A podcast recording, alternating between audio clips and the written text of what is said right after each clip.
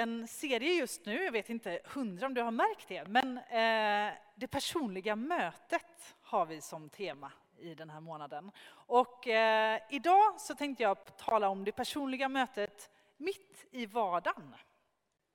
Och då tänkte jag börja med att berätta eh, ja, men ett, ett litet vittnesbörd från, eh, från vår familjs liv. För ungefär, eller lite drygt, ett halvår sedan så eh, skulle min ena son snart fylla tre år. Eh, och jag vet inte om du har sett honom här i kyrkan än, men om du inte har gjort det, eller om du har det, så har du nog märkt att han är ganska aktiv. Om du inte har sett honom än så kommer du nog märka det. men det är härligt. Jag var, förra måndagen var jag på röntgen för första gången med honom. Eh, har en känsla av att det blir fler gånger där, men eh, eh, vi, vi ber att det ska gå bra. Eh, det var ingen fara den här gången. Eh, men i alla fall, han skulle fylla tre år. Och vi hade ett tag varit ganska säkra på att vi hade den perfekta födelsedagspresenten till honom. Eh, inget mer originellt egentligen än en studsmatta, som alla andra barnfamiljer med en trädgård. I vilket fall, vi hade spanat in en studsmatta som vi ville ha, som vi tänkte, ja men den här verkar bra och stabil och liksom, ja men den verkar schysst. Eh, och eh, några veckor innan, när vi eh, tänkte att nu börjar det bli dags att få tag på en, så fanns det typ inga studsmattor någonstans. Alltså det här var i mars månad. Så jag vet inte, folk hade väl inte börjat liksom städa ur sina hem. Vi tänkte vi skulle köpa begagnat. Eh, vi kollade på begagnatmarknaden, men det dök liksom inte upp någonting av det där vi ville ha. Så till slut så tänkte vi att ja, men vi får väl se vad det finns och köpa en vanlig liksom, nätbutik. Men du vet, den som vi ville ha, den fanns inte. Det fanns liksom bara den dyraste såklart.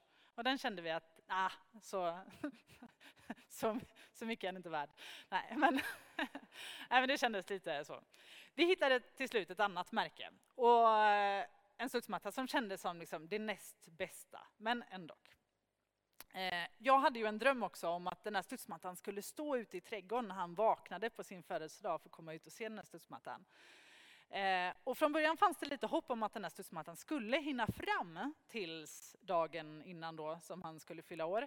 Men allt som dagarna gick så insåg vi att den kommer inte hinna fram. Och då känner man sig, det känns lite tråkigt liksom. Ja, men men, värre saker har hänt. Det är ju ett ilandsproblem, men eh, som vi överlever. Men eh, ja, nej, men jag kände det var lite tråkigt. Men så satt jag där på golvet eh, med mina två barn då och försökte hålla ihop vardagen. Och så plötsligt så bara plingade det till i min telefon, eller surrade till gjorde det Och så får jag en, en avisering från Blocket. Det dykt upp en studsmatta. Och jag kollar på den snabbt och vi har en sån sökning på Halland, Västra Götaland typ. Och den finns i Kungsbacka.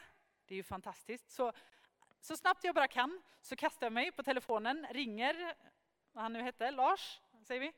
Eh, och så börjar jag prata med honom. Och han har precis lagt ut annonsen så det ser ut som att han finns kvar. Eh, och så frågar jag var han bor och så säger han, ja men bor i Valda. Det gör ju vi med. Det är ju fantastiskt. Ja, Eh, och så pratar vi lite till och så frågar han var i Valda vi bor. Eh, och så säger jag det, men han reagerar inte riktigt. Men så pratar vi lite till. Och det verkar vara en bra studsmatta. Han är lite besviken för barnen har inte använt den så mycket. Men vill ändå ge ett bra pris. Allt är jättebra. Eh, och så, så till slut så, men var bor ni då?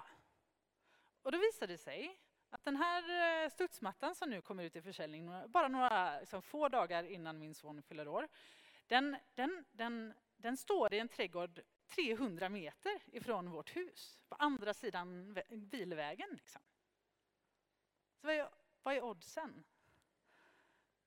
Vissa, när vissa hör sånt så, så, börjar man fundera på om det finns en gud. Ja. Man kan kalla det slump, men jag är helt övertygad om att det var liksom Guds omsorg för oss. Så på eh, Eliams treårsdag, när han kom upp ur sängen, så stod det en studsmatta i trädgården till honom. Och om vi nu hade haft fungerande, en bra projektor här, så hade jag kunnat visa det i filmen på hans reaktion. Men nu blir det inte så. Men det var så fantastiskt fint att få se eh, min son få den här eh, studsmattan. Eh, och så häftigt att se hur Gud grep in i liksom våran vardag, mitt där på golvet med barnen. Mitt i det som var vårat, som är vårat liv.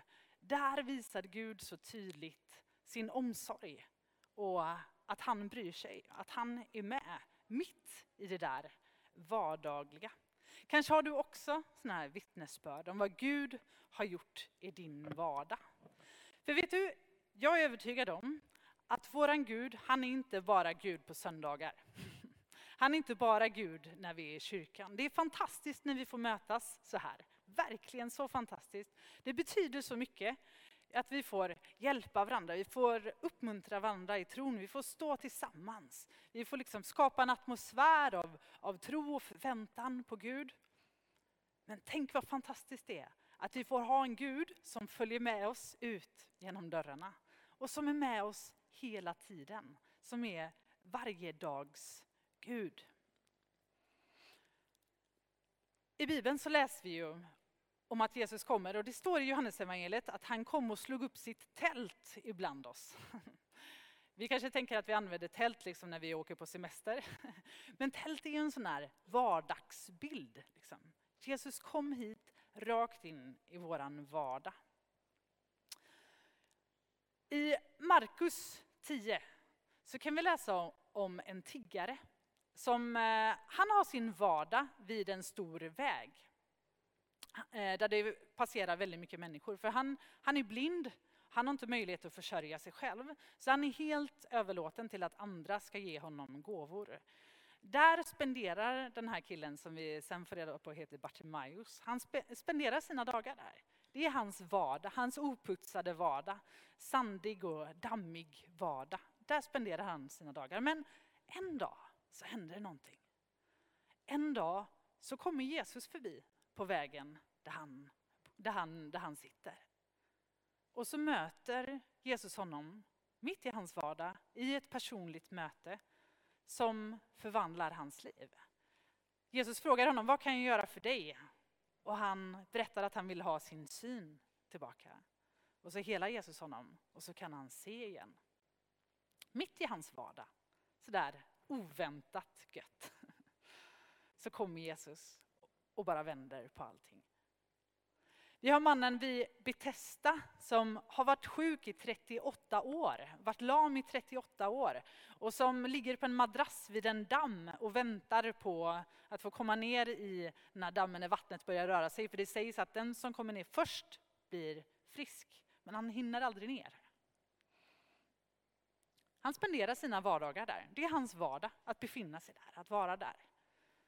Tills den dagen som Jesus dyker upp mitt i hans oputsade vardag. Och så helar Jesus honom och säger till honom att ta sin bädd och gå hem. Och så gör han det och så följer han Jesus. Eller kvinnan vid brunnen i Johannes 4 som eh, i sin, mitt i sin vardagssyssla där hon går ut ur staden och ska hämta vatten som hon troligtvis gör varenda dag. Inget speciellt med det. Men den här dagen när hon gör det så får hon ett personligt möte med Jesus. Som vänder upp och ner på hela hennes liv, som förvandlar hela hennes liv och som faktiskt leder till förvandling för hela hennes by, hela hennes stad. Men det säger ryktet att det kommer det predikas mer om nästa vecka, så vi lämnar det där. Ja, men Jesus möter de här människorna i sin vardag. Han kliver in och förändrar deras förutsättningar radikalt för vad de kan, hur deras liv ser ut. Han vänder upp och ner på det i ett personligt vardagsmöte. För Gud finns ju inte bara här i kyrkan. Han finns överallt. Han är med oss var vi än går. Han är med dig på din skola. Där kan Jesus dyka upp, liksom, visa sig. Han är med när du sitter och pluggar på biblioteket. När du är på din arbetsplats, när du är hemma, kanske i din ensamhet, då är Jesus där. När du sitter på golvet och väntar på en studsmatta med dina barn, då är Jesus där.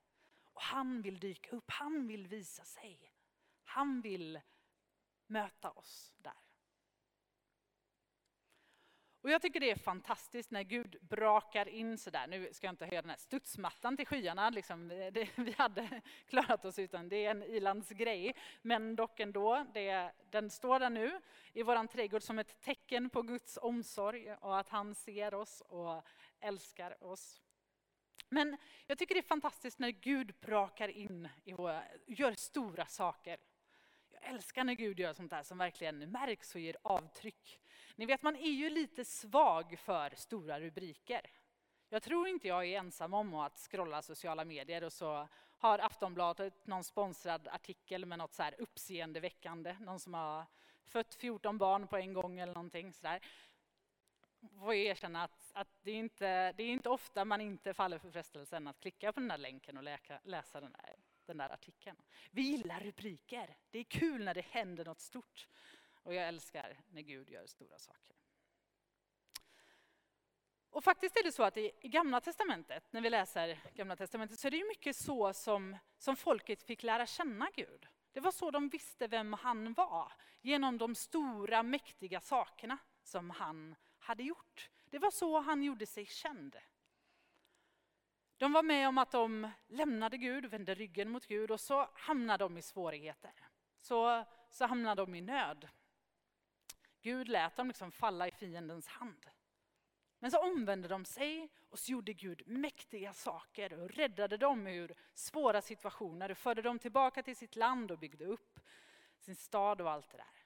Gud räddade dem genom, genom Gideon så räddade han dem från midjaniterna och han räddade dem från filisterna och Goliat, ni vet, genom David. Stora saker som man kommer ihåg. Han ger dem manna i öknen, som vi pratade lite om för två veckor sedan. Så här, helt, helt märkligt att det regnar mat från himlen i 40 år till folket. Gud visar sin mäktiga hand. Och Gud visar sin kärlek gång på gång. Och kanske den mest, eller, eller den mest definierande händelsen i Gamla Testamentet på vem Gud är, är ju när han för folket ut ur slaveriet i Egypten ut i frihet så att de kan fira gudstjänst inför honom. Det är liksom det, så man känner Gud, genom de stora mäktiga sakerna. Vet ni förresten att i tio Guds bud, i den judiska varianten, eller vad man ska säga, eh, det är väl vi som har snott deras på ett sätt, men i Andra Mosebok 20, så det första budet är inte att du ska ha, inte ha några andra gudar vid sidan av mig, som vi kanske många gånger har lärt oss, utan det första är att Gud presenterar sig.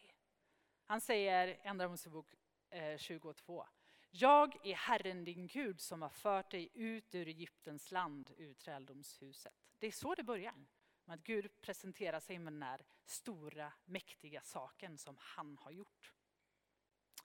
Han är rubrikernas Gud på många sätt. Och han fortsätter göra det.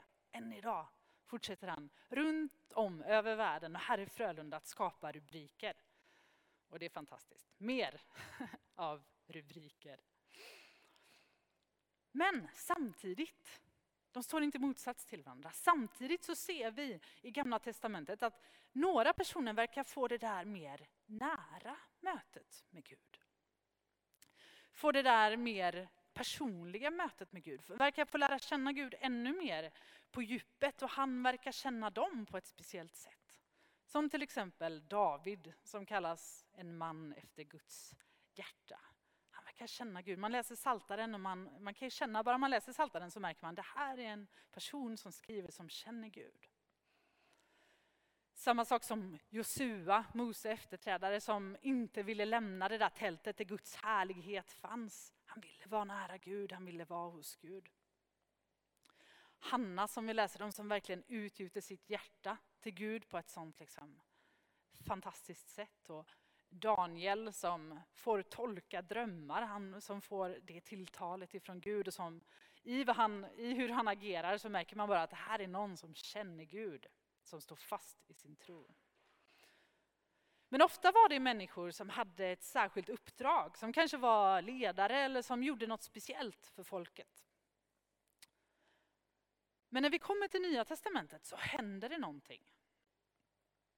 När Jesus dör och uppstår, som vi sjöng om här alldeles nyss, när han gör det där mäktiga, när han skapar förutsättningar för ett helt nytt liv, så ges ju också den helige ande som gåva till var och en som vill tillhöra Jesus. Till var och en som vill ta emot av Gud i sitt liv så finns den helige ande tillgänglig. Och då händer det någonting. För då är Gud fortfarande den där stora mäktiga guden som man liksom vet om och, och har hört om. Men så blir han den där nära guden som också kommer så personligt till var och en.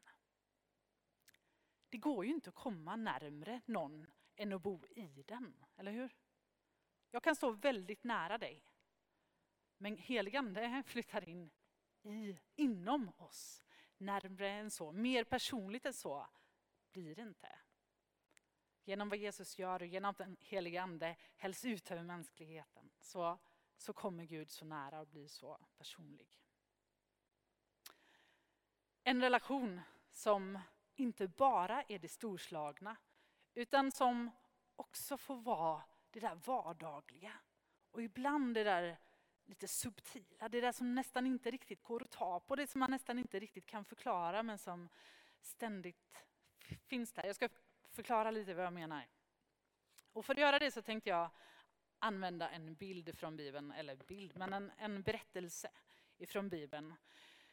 Från Elia, och du kanske känner igen det, men ifrån första kungaboken 19 så möter vi en Elias som är, som är trött, som är slutkörd, som har kämpat för Guds skull.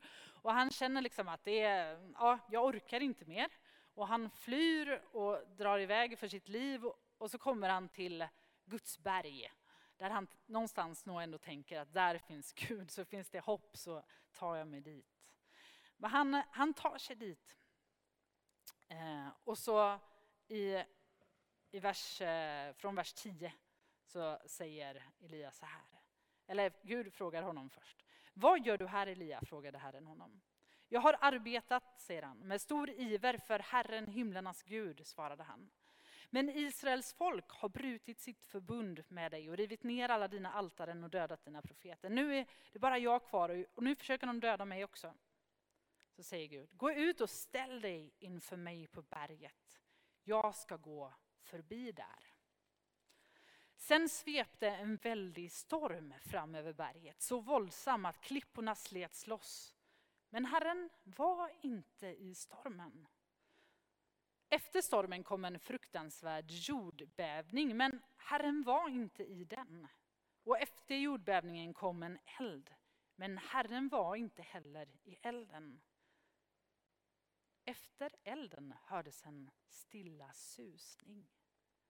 Och när Elia hörde susningen så gömde han ansiktet i sin mantel och gick ut och ställde sig vid ingången till grottan.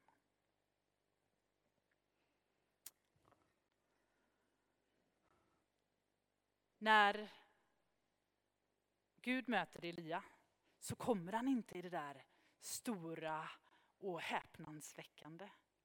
Utan då kommer han i den stilla, den svaga susningen. Det där som nästan inte hörs. Det där som man liksom måste lyssna in för att höra. Och visst är det så många gånger. Att när vi lever i relation med Jesus så har han, så, och vi lever med den helige Ande, så talar han ofta och mycket till oss. Och möter oss personligen gång på gång i det där lilla, i det där svaga. Jag upplever det många gånger att Gud liksom lite håller ordning på mig på det sättet. Puffar mig framåt. Och jag tänker att det också är i den där vardagsrelationen som det där verkligen djupa och med, med mycket grund byggs. Jag och Ola till exempel, det skulle vara väldigt konstigt om jag och min man, om vi bara sågs någon gång ibland och åkte på någon resa ihop eller åkte på spa eller gick på någon konsert. Nej, det är det där vardagliga, att vi möts hela tiden. Det är det som bygger någonting stabilt. Det är det som bygger någonting som verkligen håller och något som verkligen visar vad tron handlar om. Den helige Ande är där hela tiden i vardagen. Och ibland så ibland så kan jag känna igen liksom, Guds röst, hur han fostrar mig i hur jag försöker fostra de här två barnen jag pratat om. Ni vet, nu är maten färdig, kom och ät. Jaha, jag ska mata dig också. Ja. Så får Gud tala till mig ibland. Nej, lägg dig inte på lillebror. Man lägger inte på honom. Ja, men kom igen, dela med dig nu. Det är roligare att leka tillsammans. Nej, spring inte ut i vägen. Det kör bilar där. Du kan bli påkörd. Wow, vad roligt det ser ut att leka med de där coola bilarna. Eller? Nej, det blir ingen glass till frukost idag heller. Nej. Släpp skärmen så vi kan göra något roligt tillsammans istället. Eller kanske, kom, hur är det? Sätt dig här hos mig. Jag älskar dig. Lite på samma sätt upplever jag hur Gud i det där liksom, subtila, hur den heliga Ande hela tiden talar och puffar lite hit och puffar lite dit och liksom håller igen lite där. Ibland så behöver Gud höja rösten. Ibland behöver jag höja rösten mot mina barn när det börjar bli farligt och ibland behöver Gud göra det också. Ibland behöver han verkligen bryta in i våra liv och bara få oss, det har Gud gjort mot mig också, liksom skrikit på mig. Ibland behöver han bara bryta igenom och komma in i våra liv på olika sätt. Och ibland behöver han göra något stort av det. Men allt som oftast så är det bara den där, den där svaga susningen. Allt som oftast så är det bara den där, den där, det där tilltalet. Hela tiden den där rösten. Den heligande som tillrättavisar och uppmuntrar. Mitt i vardagen, mitt i livet.